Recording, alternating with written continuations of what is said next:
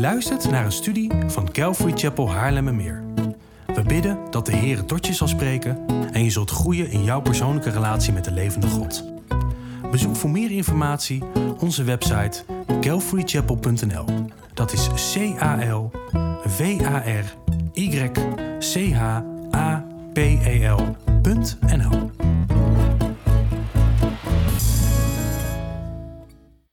Ja, dan wil ik jullie nu toch vragen om je Bijbel te openen, een Bijbel te pakken als je hem bij je hebt. Ehm, ik heb een aantal leenbijbels voor mensen die mee willen lezen. Iemand een leenbijbel?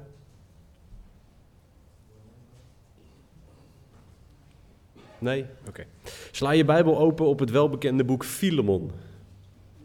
Voor degene van jullie die niet weten waar dat zit, dat zit tussen Titus en Hebreeën in. Dus als je naar Hebreeën zoekt, ongeveer op twee derde van het Nieuwe Testament, dan eh, kan je daar Filemon vinden. Dat zit er namelijk vlak voor. Vorige week zijn we geëindigd met onze preekserie over het maken van discipelen.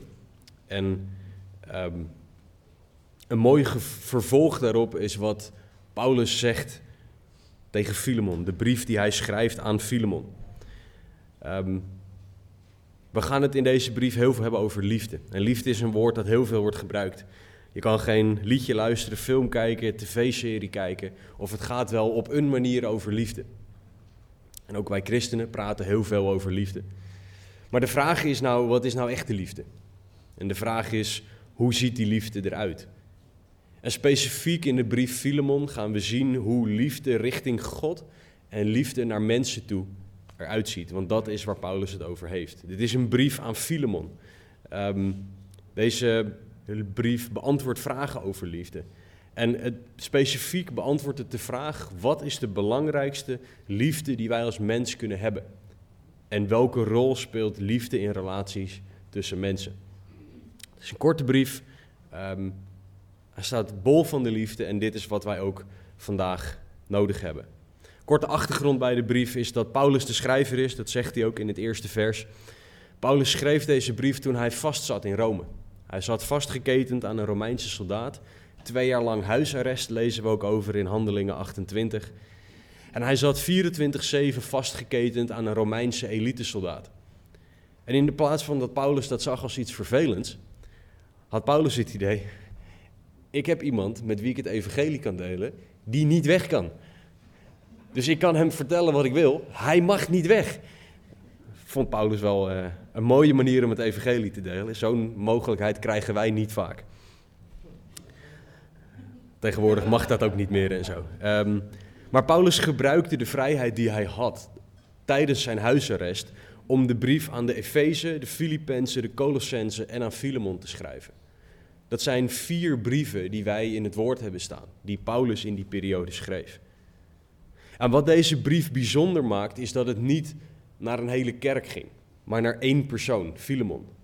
Hij was een rijk man, want hij had slaven, lezen we over in de brief. En hij woonde in Colosse. Ook de brief naar de Colossensen ging daar naartoe. En hij is tot geloof gekomen, we weten niet precies hoe, ehm, maar we weten wel dat hij deel was van deze, van deze kerk en dat Paulus deze brief rond 60 na Christus aan Filemon schreef. Het is ook een andere brief dan de gemiddelde brief in het in eh, het Nieuwe Testament. Want het is niet echt profetisch, het is niet corrigerend of iets. Het is een liefdevolle oproep van de ene christen aan de andere christen. In 25 versen komt het woord liefde letterlijk zeven keer voor. En zijn er meer verwijzingen en omschrijvingen van liefde. Dus dit korte briefje staat vol van Gods liefde. En dat is ook waar we naar gaan kijken. Ik wil samen met jullie de eerste zeven versen lezen. Indien mogelijk wil ik jullie vragen om te gaan staan, om samen met mij staande het woord van God te lezen. Dat is niet omdat ik het leuk vind dat jullie zo gaan staan, maar dat haal ik uit Nehemia 8, mochten jullie het daar met mij over willen hebben.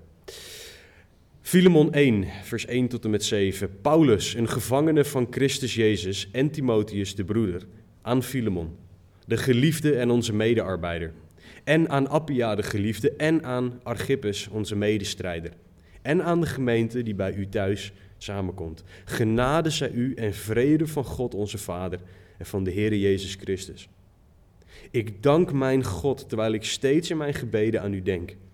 Ik hoor namelijk over uw liefde tot en het geloof dat u in de Heer Jezus hebt en over uw liefde voor alle heiligen. Mogen uw gemeenschap in het geloof zich krachtig openbaren in de kennis van al het goede dat in u is met betrekking tot Christus Jezus. Want wij beleven veel vreugde en troost aan uw liefde, omdat de heiligen innerlijk door u verkwikt zijn, broeder. Heren, dank u wel voor dit stuk tekst. Dank u wel voor deze brief. Dank u wel dat u Paulus zo gebruikt en dat Filemon een voorbeeld voor ons is. Heren, spreek tot onze harten, raak ons aan en doe alstublieft uw wil in en door ons heen. Heren, dat bidden en vragen we in Jezus' naam. Amen. Neem alsjeblieft plaats. In de eerste drie versen doet Paulus wat hij altijd doet. Hij introduceert zichzelf. En dat doet hij op een andere manier dan normaal. Hij vertelt op de normale manier wie de afzender is, Paulus en Timotheus. Maar hij, hij geeft geen autoritaire omschrijving van zichzelf. In de pastorale brieven, Timotheus en Titus, begint Paulus met Paulus, een apostel van Jezus Christus. Hij zet daar neer, ik ben de apostel en vanuit dit apostelschap ga ik jullie dingen vertellen. Maar hier lezen we Paulus, een gevangene van Christus Jezus. Een hele andere omschrijving over zichzelf. Soms noemt hij zichzelf een dienstknecht, een doulos of een slaaf in de Romeinen en de Colossensebrief. Maar nu is het alleen een naam en een fysieke toestand. Gevangene.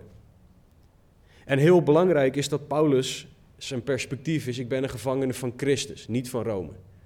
Ondanks dat Rome degene was die hem vasthield, was hij een gevangene van Christus. En in deze moeilijke tijd, want het zal niet makkelijk geweest zijn om 24-7 aan een kerel vastgeketend te zitten, ehm, was zijn perspectief niet, kom mij liefde geven, want ik heb het zo zwaar. Daar lezen we nergens over dat Paulus dat vraagt. Wat Paulus doet, is hij geeft liefde. In zijn eigen moeilijkheid, zijn eigen verschrikkelijk lastige situatie, geeft hij liefde aan een ander. Als ik naar mezelf kijk, als het leven tegenzit, is mijn eerste menselijke, misschien ook wel mannelijke reactie om mezelf af te sluiten. Mancave, deur dicht, deur op slot en allemaal maar even wegblijven. Maar dat is niet wat God van mij vraagt. Paulus geeft hier het goede voorbeeld. Hij gaat dienen in de plaats van zelfmedelijden zitten opwekken bij zichzelf. Hij gaat liefde tonen, Gods liefde uitdelen. In het Nieuwe Testament en in, eigenlijk in de hele Bijbel staan er 59 elkaar-versen. Waar Paulus ons uitlegt, je moet elkaar dienen, elkaar liefhebben, elkaar, elkaar, elkaar. En dat is wat Paulus hier doet. Hij leeft liefde aan de ander, terwijl hij het moeilijk heeft. En in zijn moeite schrijft hij een brief aan Filemon, Appia en Archippus. Dat was waarschijnlijk een gezin, de Bijbelcommentatoren zijn verdeeld, zoals wel vaker over dit soort nutteloze details.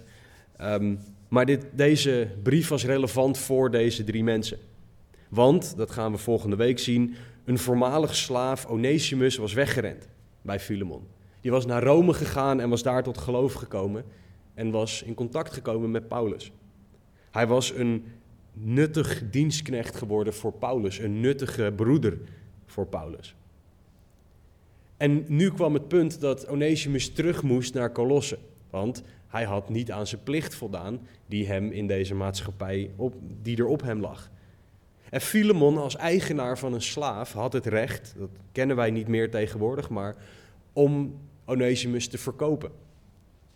Om hem te geeselen, zelfs om hem te doden. Die rechten had hij onder de Romeinse wet. En Paulus zegt: Ik weet dat dat jouw recht is, maar behandel hem als een broeder. Wat we hier zien is dat Paulus vraagt om Gods liefde boven cultuur. Gods liefde boven rechten. En dat is zo bijzonder. Want tegenwoordig willen wij op ons recht staan en voor onszelf opkomen. En God zegt: toon liefde. Liefde wanneer het niet logisch is. Dat is de oproep die Paulus hier gaat doen. En in vers 3 zegt hij tegen deze drie mensen: Genade zij u, en ook tegen de gemeente: Genade zij u en vrede van God onze Vader en van de Heer Jezus Christus. Wat Paulus zijn standaard begroeting is, wat een samenvoeging is van het Romeinse Gairo en het Joodse Shalom, oftewel genade en vrede. Hij voegt daar twee culturen samen in iets prachtigs. En niet alleen is dit prachtig, maar het is ook een les voor ons. Want we hebben eerst Gods genade nodig voordat we Gods vrede kunnen ervaren. Zonder Gods genade zullen wij nooit Gods vrede hebben of ervaren. Dus dit is ook een belangrijke les om in de gaten te houden. Dat we eerst zijn genade moeten zoeken en dan zijn vrede zullen kunnen ontvangen. In vers 4 zegt Paulus: Ik dank mijn God terwijl ik steeds in mijn gebeden aan u denk. Paulus uit hier zijn liefde in gebed. Hij dankt en hij bidt God voor Filemon en zijn gezin. In 2 Korinthe 5 leert Paulus dat de liefde van Christus ons dringt of aanzet tot leven voor God. En dat is wat Paulus hier laat zien. Hoe ons leven geleid wordt door God is onder andere te zien in voor wie en waarvoor wij bidden. En hoeveel wij bidden voor die mensen. De reden namelijk dat Paulus bidt staat in vers 5. Ik hoor namelijk over uw liefde tot en het geloof dat u in de Heer Jezus hebt en over uw liefde voor alle heiligen. Dit is de reden waarom Paulus dankbaar was voor Filemon. Niet, oh maar je bent zo ontzettend lief voor mij geweest en zo aardig voor mij geweest. Niet, je hebt mij ondersteund in mijn gevangenschap. Je hebt dingen naar mij toegestuurd. Eten, drinken, misschien een warm kleed. Nee, uw liefde tot en het geloof in de Heer Jezus. Dat is waar Paulus voor dankt. Filemon leefde wat Jezus in zijn afscheidsspeech aan zijn discipelen vertelde in Johannes 13. In Johannes 13, vers 34 en 35 zegt Jezus het volgende: Een nieuw gebod geef ik u, namelijk dat u elkaar lief hebt zoals ik u lief gehad heb. Moet u ook elkaar lief hebben. Hierdoor zullen allen inzien dat u mijn discipelen bent, als u liefde onder elkaar hebt. En dit is wat Filemon leefde. Waar hij onbekend stond zelfs, dat hij liefde had voor Jezus en voor de heiligen. Deze liefde was zo duidelijk dat Paulus honderden, misschien wel duizenden kilometers verderop in Rome erover gehoord had. Wat voor een liefde was dat? Wat voor een bijzondere liefde. Maar Paulus leert aan ons, door wat hij hier schrijft, hoe deze liefde in elkaar zit. Hij zegt namelijk ten eerste, ik hoor over uw liefde tot de Heer Jezus. Ten tweede over het geloof dat u in de Heer Jezus hebt. En ten derde over uw liefde voor alle heiligen. Dat is de juiste volgorde voor deze dingen. Laten we beginnen met de liefde voor Jezus. Zonder de liefde voor Jezus zullen wij nooit anderen lief hebben. En zullen wij nooit geloof hebben, zoals God dat voor ons heeft. Vanuit onszelf zijn wij mensen heel egoïstisch. Als je een foto ziet waarvan je weet dat jij er zelf op staat, wie is de eerste persoon naar wie je zoekt? Degene van jullie die niet zegt ikzelf, dan ben jij een beter mens dan ik. Want ik kijk altijd of ik er zelf goed op sta of niet. Vanuit onszelf zijn wij liefdeloos. Of in ieder geval niet zo liefdevol als God wil dat wij zijn voor anderen. Wij zullen nooit iemand lief hebben zoals God van ons vraagt, als wij niet de liefde voor Jezus hebben. Johannes de apostel legt dit uit als volgt in 1 Johannes 4, vers 9 en 10. Hierin is de liefde van God aan ons geopenbaard, dat God zijn enige geboren zoon in de wereld gezonden heeft, opdat wij zouden leven door hem. Hierin is de liefde, niet dat wij God lief gehad hebben, maar dat hij ons heeft lief gehad en zijn zoon zond als verzoening voor onze zonden. Jezus geeft ons hier het voorbeeld van liefde. Hij kwam naar de aarde om te sterven voor ons. Jezus liet zijn liefde zien in daden.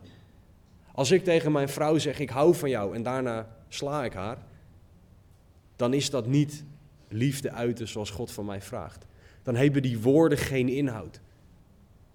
Als ik zeg tegen mijn vrouw, ik hou van jou en ik negeer haar daarna compleet, dan is dat niet liefde zoals God van mij vraagt. Als ik zeg tegen mijn vrouw, ik hou van jou en ik ga daarna vreemd, dan is dat niet liefde zoals God van mij vraagt. Dan hebben die woorden geen inhoud. En Jezus liet zien dat hij van ons houdt door zijn daden. Jezus liet zien wat liefde is. En dat soort liefde zet aan tot wederliefde. Als wij namelijk echt gaan zien wat Jezus voor ons gedaan heeft, kunnen wij niet anders dan van Hem gaan houden. Omdat Hij zoveel liefde heeft laten zien. John Piper heeft het volgende mooier verwoord dan ik ooit kan. Hij zegt: De liefde van Christus beheerst ons, bedwingt ons, geeft ons leven, beweegt ons en spoort ons aan. Dat is wat de liefde van Christus met ons hoort te doen. Als wij geen liefde van Christus hebben, zullen wij ook nooit liefde voor Christus hebben. Zonder liefde voor Jezus zullen wij nooit andere mensen lief hebben zoals Jezus van ons houdt. En het begint dus allemaal met Zijn liefde voor ons en de reactie dat we Hem gaan liefhebben. Omdat Hij voor ons gedaan heeft wat Hij gedaan heeft. Wij moeten echt niet onderschatten hoe belangrijk liefde voor Jezus is. Want daar begint het allemaal. En Paulus zegt over Filemon: Ik heb gehoord dat jij die liefde hebt. Daar begint het. Daarna zegt hij het volgende: Ik hoor namelijk over uw liefde tot en het geloof dat u in de Heer Jezus hebt. Paulus hoorde over dit geloof. Dit was een zichtbaar geloof, een aanstekelijk geloof. Hij deelde zijn geloof. Zijn geloof was alles voor hem. Waarom? Omdat hij de liefde van Christus had leren kennen. Want dat zette hem aan tot. Zonder liefde van God, zonder liefde voor God, is er geen reden voor geloof. Want geloof is vertrouwen. En hoe zal je iemand vertrouwen als je niet op deze manier van deze persoon houdt? Hoe zal jij ooit van God houden? Ooit in God geloven zoals hij vraagt, als je hem niet leert kennen? En wat Paulus ons leert is als jij Jezus liefde kent en ervaart en daarin groeit, zal je groeien in geloof. Hoe beter je Hem kent, hoe meer je Hem zal gaan vertrouwen. De relaties tussen mensen werken op precies dezelfde manier. Ik vertrouw mijn vrouw nu veel meer dan toen ik haar voor het eerst leerde kennen, omdat ik haar beter ken. Zo werkt het ook met God. Eerst liefde voor Christus en daarna geloof. Dus Paulus zegt ons hier, liefde leidt tot geloof. Nou, hoe werkt dat? Gelukkig is de Bijbel het beste commentaar op de Bijbel. Dus daarvoor, als je tijdelijk even terug wil bladeren, pak Galaten 5 er even bij. Galaten 5, vers 22 is een vers waarin God ons uitlegt hoe liefde leidt tot geloof. Galaten 5, vers 22. Wat Paulus uitlegt aan de kerk in Galaten is de vrucht van de geest. Vrucht is een enkelvoudig woord. Hou dat in je hoofd wanneer we dit vers lezen. Galaten 5, vers 22. De vrucht van de geest is echter liefde, blijdschap, vrede, geduld, vriendelijkheid, goedheid, geloof, zachtmoedigheid en zelfbeheersing. Waarom is het belangrijk dat de vrucht een enkelvoudig iets is? Omdat ik dit vers interpreteer, en daar kan ik lang en kort met je over praten. Ehm, maar ik lees dit als de vrucht van de geest is liefde, dubbele punt, uitgelegd in blijdschap, vrede, geduld, vriendelijkheid, goedheid. Al die dingen na liefde zijn uitingen van deze liefde. Al die dingen daarna komen door de liefde die God in ons legt en aan ons laat zien. Dus liefde, de vrucht van de geest, leidt tot geloof, omdat dat is wat God in ons doet opkomen. Het is Gods werk in ons. God laat zichzelf aan mensen zien door de schepping. Hij vertelt door zijn woord, door mensen heen, door een getuigenis als van Taco heen. En wij reageren daarop.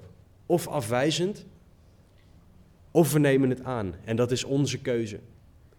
Als wij deze liefde aannemen, dan zullen wij gaan groeien in de liefde en zullen wij daardoor meer blijdschap, meer vrede, geduld, vriendelijkheid, goedheid, geloof hebben. Filemon is het levende bewijs hiervan, zegt Paulus. Een levende bewijs dat Gods liefde werkt en dat het aanzet tot Christus meer liefhebben en uiteindelijk ook tot meer geloof in Christus, sorry, in Christus Jezus. Maar nadat Filemon liefde voor en geloof in Jezus heeft, doet dat nog iets met hem. Een heel belangrijk iets. Liefde, liefde voor alle heiligen. Jezus nogmaals zei in Johannes 13:35 dat liefde de onderscheidende factor is van de christen. En hij zei dat tegen zijn volgelingen. Liefde onderling heeft hij het over. Galaten 6 vers 10 verwoordt het als volgt. Laten wij dus, terwijl wij gelegenheid hebben, goed doen aan allen, maar vooral aan de huisgenoten van het geloof. Vooral aan hen horen wij liefde te tonen. Het woord dat hier voor liefde gebruikt wordt, is het woord agape. Dat mag je gelijk weer vergeten. Tenminste, dat mag ik niet meer van Stan zeggen. Het woord voor liefde is agape dat hier gebruikt wordt. Dit is een liefde waarmee Jezus van de mens hield. Waarmee Jezus van de mens houdt. Dit is een liefde waaruit Jezus zichzelf gaf. Dit is een liefde waarmee Jezus onze straf droeg, onze pijn droeg en ons verdriet droeg. Dit is een liefde waardoor hij de eeuwige dood voor ons onderging, omdat hij bereid was om dat te dragen. Agape is liefde in actie. En dat is niet natuurlijk voor ons. Ik weet niet of jullie dit Latijnse gezegde kennen. Quid pro quo. Voor wat, hoort wat. Dat is liefde tegenwoordig. Ik laat wat liefde aan jou zien als jij wat liefde aan mij laat zien. Heel veel huwelijken gaan kapot op. Ja, maar hij laat mij geen liefde zien. Of ja, maar zij laat mij geen liefde zien. Terwijl God zegt dat wij met de liefde van Christus van de ander moeten houden. Jezus voelde niet altijd liefde voor ons, denk ik, toen hij hier op aarde was. Dat is misschien een heel radicaal statement, maar laat me het uitleggen. Ik denk niet dat Jezus liefde voelde toen er spijkers door zijn handen gejaagd werden. Dat er, toen er spijkers door zijn voeten gejaagd werden. Toen er een speer in zijn zij geduwd werd. Ik denk niet dat hij liefde voelde op dat moment. Maar hij koos om ons lief te hebben. Hij koos om ons lief te hebben toen hij gegezeld werd in onze plaats. Agape-liefde is een keuze in de plaats van een gevoel. Want wij zijn niet altijd zomaar lief te hebben, behalve dan door een keuze. En zo werkt het ook naar de christenen om ons heen. Het is misschien confronterend om te zeggen, maar jij bent niet altijd zomaar lief te hebben. Ik ook niet hoor, laat dat heel duidelijk zijn. Maar dat is dat, soms is het gewoon domweg een keuze. Liefde zien we tegenwoordig als in de film met roze geur en maneschijn en allemaal fantastische diners in, in het zon of in het, in het maanlicht en zo. Maar soms is liefde gewoon domweg doorgaan met de ander dienen. Ondanks dat het niet zo voelt. Ondanks dat je gekwetst bent door de ander. Tegenwoordig willen we dat de ander de liefde waardeert of aanneemt. Jezus hield al van ons toen wij nog zondaren waren en hem in het gezicht spuugden en de baard uit zijn gezicht drukte. Toen wij zondigden waardoor wij hem aan het kruis nagelden. Toen hield hij al van ons. Toen toonde hij al zijn agape-liefde aan ons. En dat is de liefde waarmee wij van alle heiligen moeten houden. Dat kan alleen als God dat werk in je doet. Want ik ben niet in staat om dit te doen. Dit kan alleen de geest van God in ons doen. En daarom Galaten 5, 22, de vrucht van de geest is liefde. Die zich uit in een rits andere dingen. Maar dit is alleen een werk dat God in ons kan doen. En Paulus zegt tegen Filemon: Ik hoor over jouw liefde, jouw agape voor alle heiligen. Wat een werk van Gods genade is dat.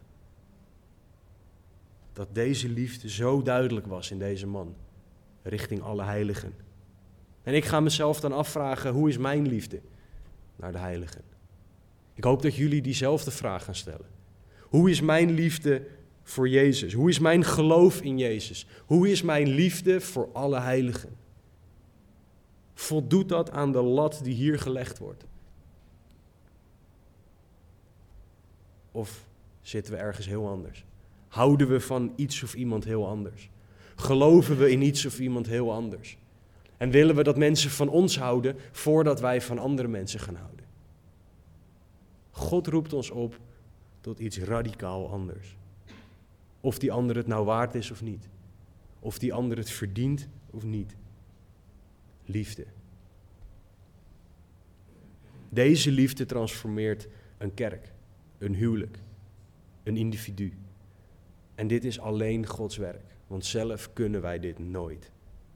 En Paulus heeft gehoord over Gods werk in Filemon. Hoe fantastisch. Paulus gaat verder in vers 6. Met mogen uw gemeenschap in het geloof zich krachtig openbaren in de kennis van al het goede dat in u is met betrekking tot Christus Jezus. Een van de uitingen van de liefde voor alle heiligen was gemeenschap in het geloof. Het woord voor gemeenschap is, is koinonia, um, omdat gemeenschap een wat dubieuze vertaling of betekenis heeft in het Nederlands, kiezen we er vaak voor om het Engelse woord fellowship te gebruiken. Um, en het woord koinonia in de grondtekst betekent alle dingen gemeen hebben. De eerste kerk deelde alles. Geestelijk, materieel, het, het, het maakte niet uit. Als iemand iets nodig had en de ander had het, dan werd het gedeeld. Het was niet, ja, maar ik kan dat eigenlijk niet missen. Of het ligt daar zo mooi in de kast en ik wil het daar graag houden. Zo zitten wij tegenwoordig te veel in elkaar. Deze fellowship, deze gemeenschap in het geloof, leidt tot het krachtig openbaren in de kennis van al het goede dat in u is met betrekking tot Christus Jezus. Dus wat Paulus hier zegt, is dat fellowship leidt tot het actief openbaren van jouw kennis van Jezus in goede daden. Oftewel, als jij Jezus kent en jij van Hem houdt, zal jij goede daden gaan doen. Dat kan niet anders, zegt Paulus. Want liefde zet aan tot handelen. Gods liefde, Gods actieve liefde zet aan tot handelen, is wat Paulus ons hier zegt. Fellowship is dus niet bedoeld om samen een gezellige tijd te hebben. Fellowship tussen christenen is niet bedoeld zodat wij zelf maar gewoon even leuk een goede tijd hebben. Dat is belangrijk en dat mag een onderdeel zijn.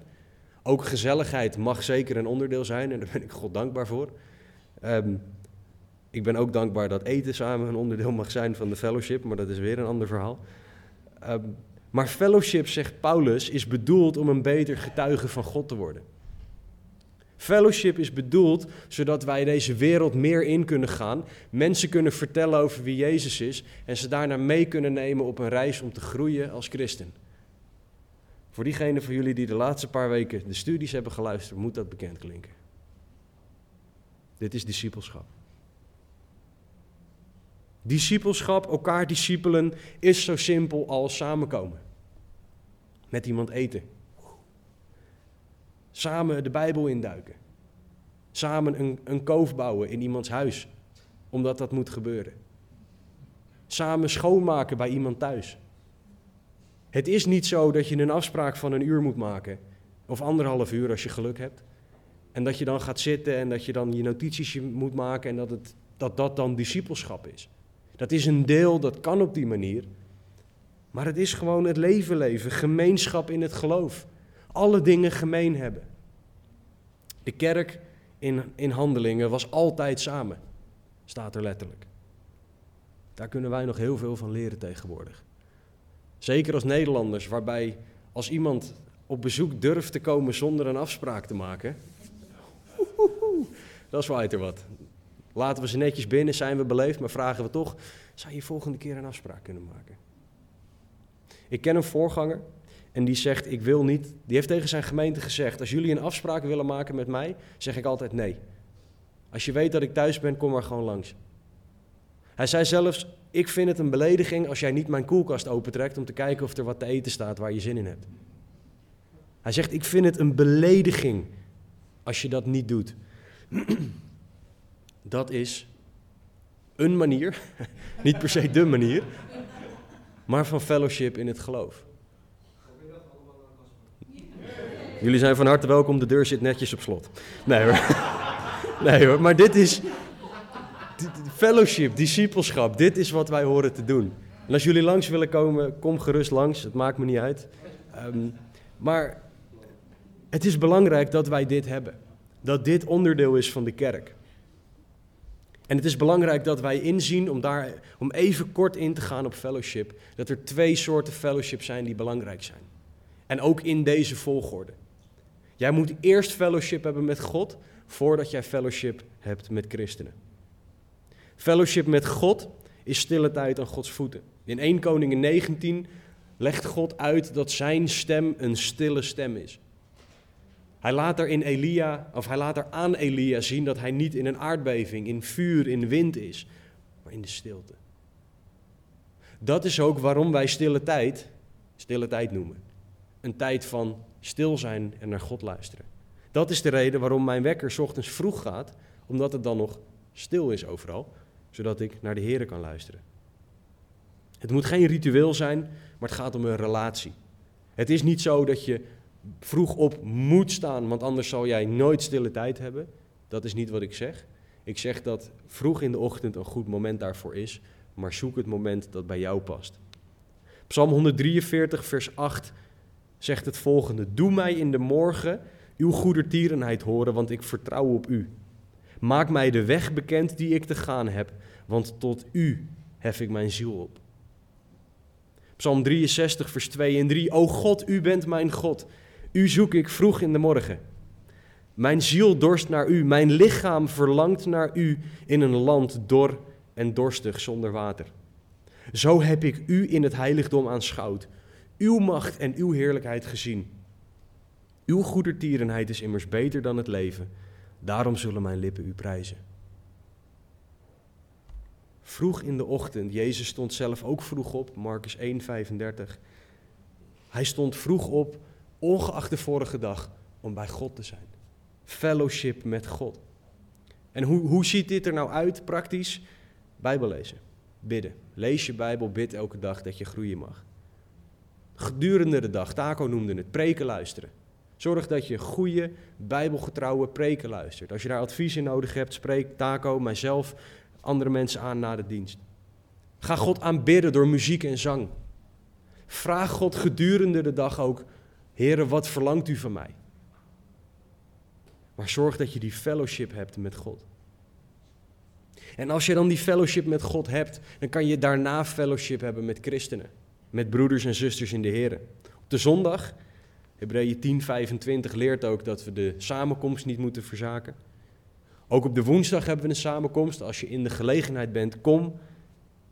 Maak afspraken. Ga ook soms ongevraagd langs bij mensen. En bij die ene voorganger mag je dus de koelkast opentrekken. Um, maar tegenwoordig hebben we het over privacy. Tijd voor jezelf. Uh, ik moet even tot rust komen, dus ik trek me even terug van mensen. En om tot rust te komen ga ik niet naar de zondag of naar de woensdag. Ik sla dingen als mannen- en vrouwenochtenden over of een mannen- en vrouwenweekend.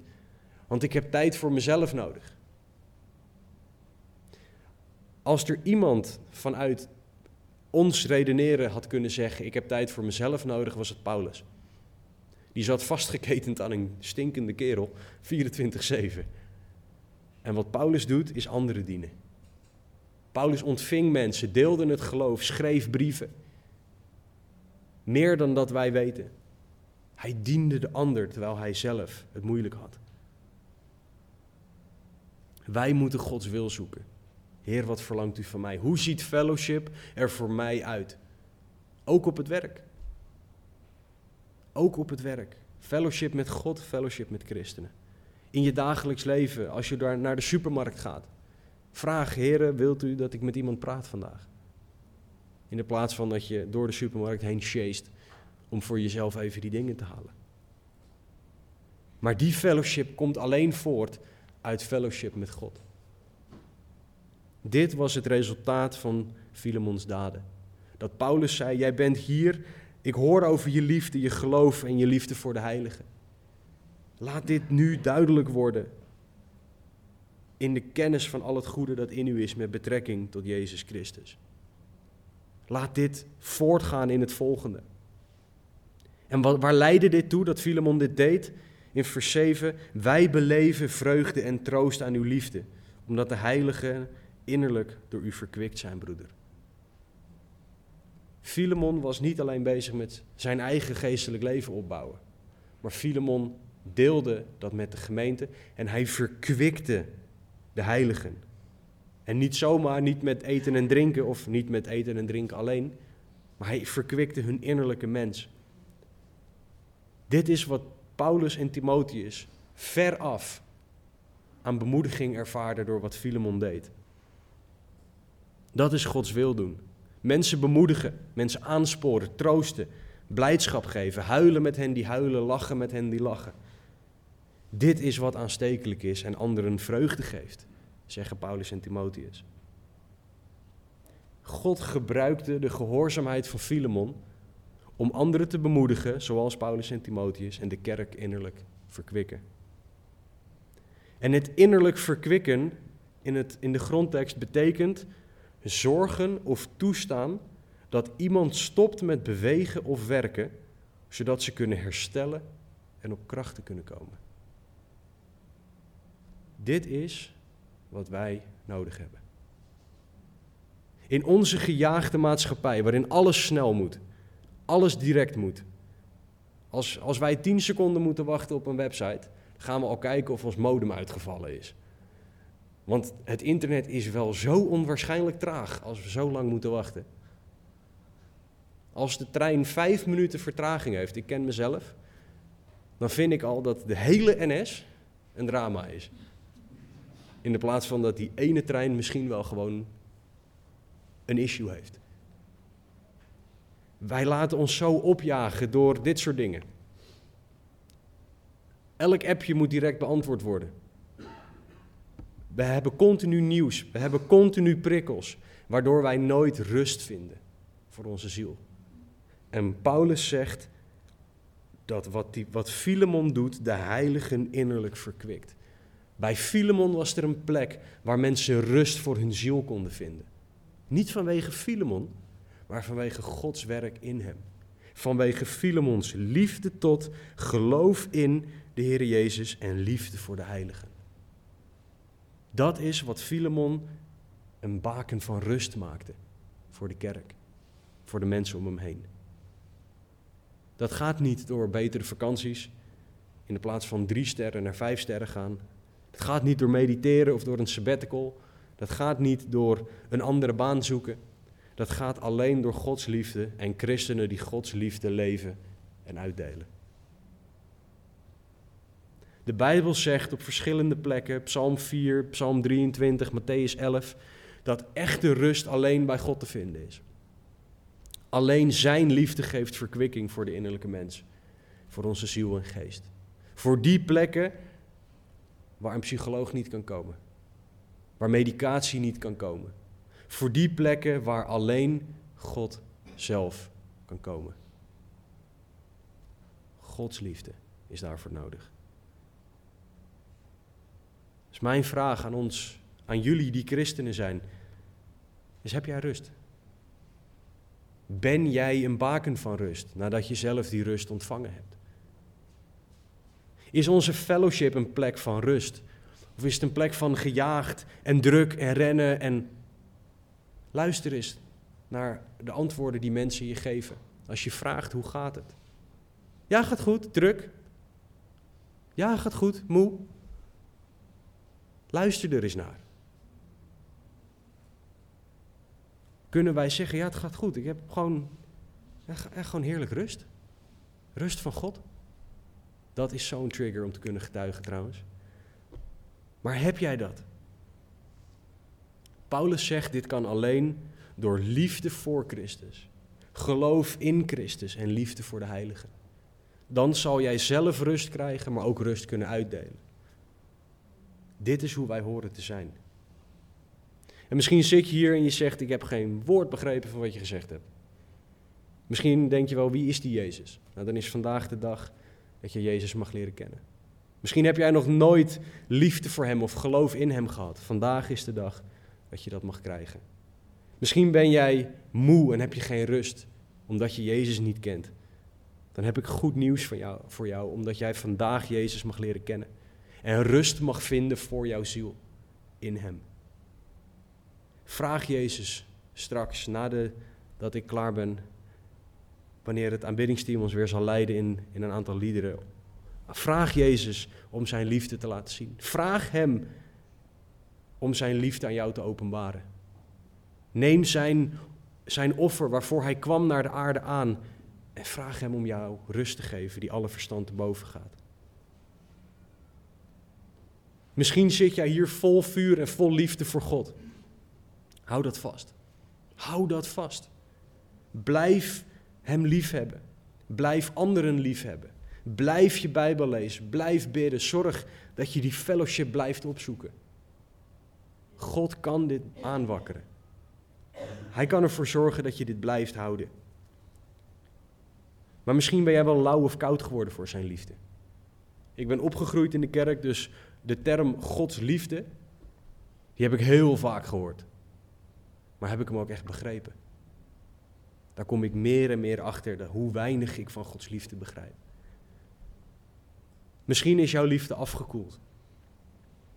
In Openbaring 2, vers 5 zegt Jezus dat je dan terug moet denken aan, hoe, aan de vorige dingen. Wat betekent, denk aan hoe je, net, hoe je was toen je net tot geloof gekomen was.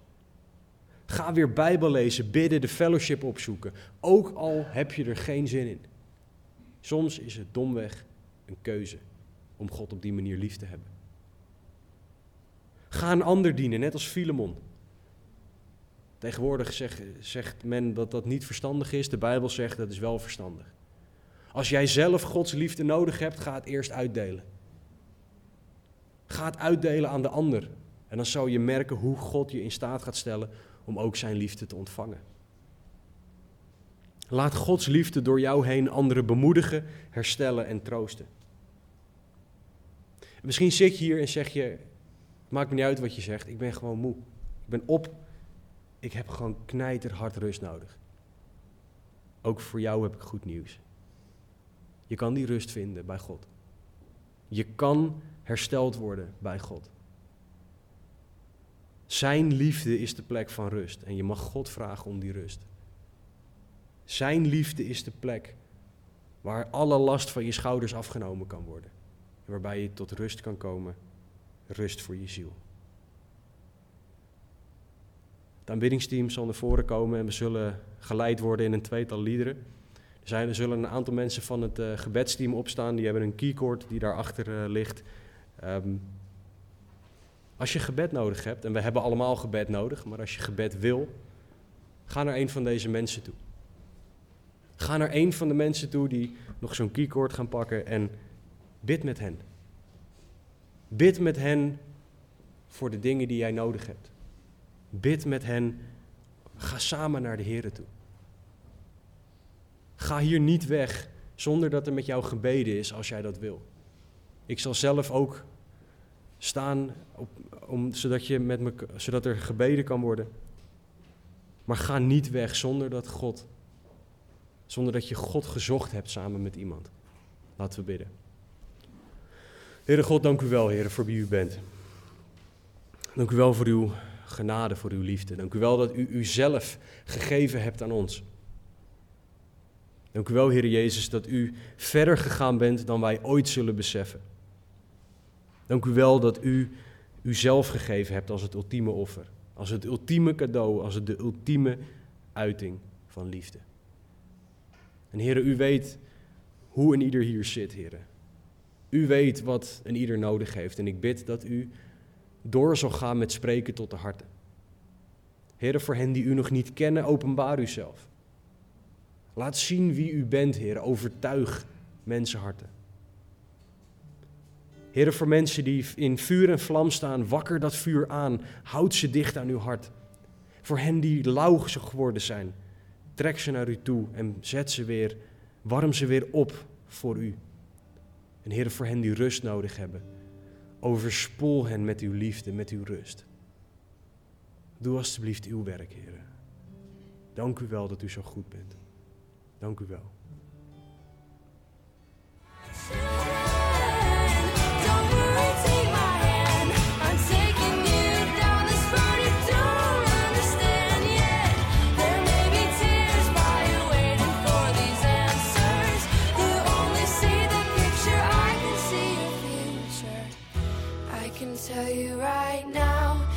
Gonna be alright.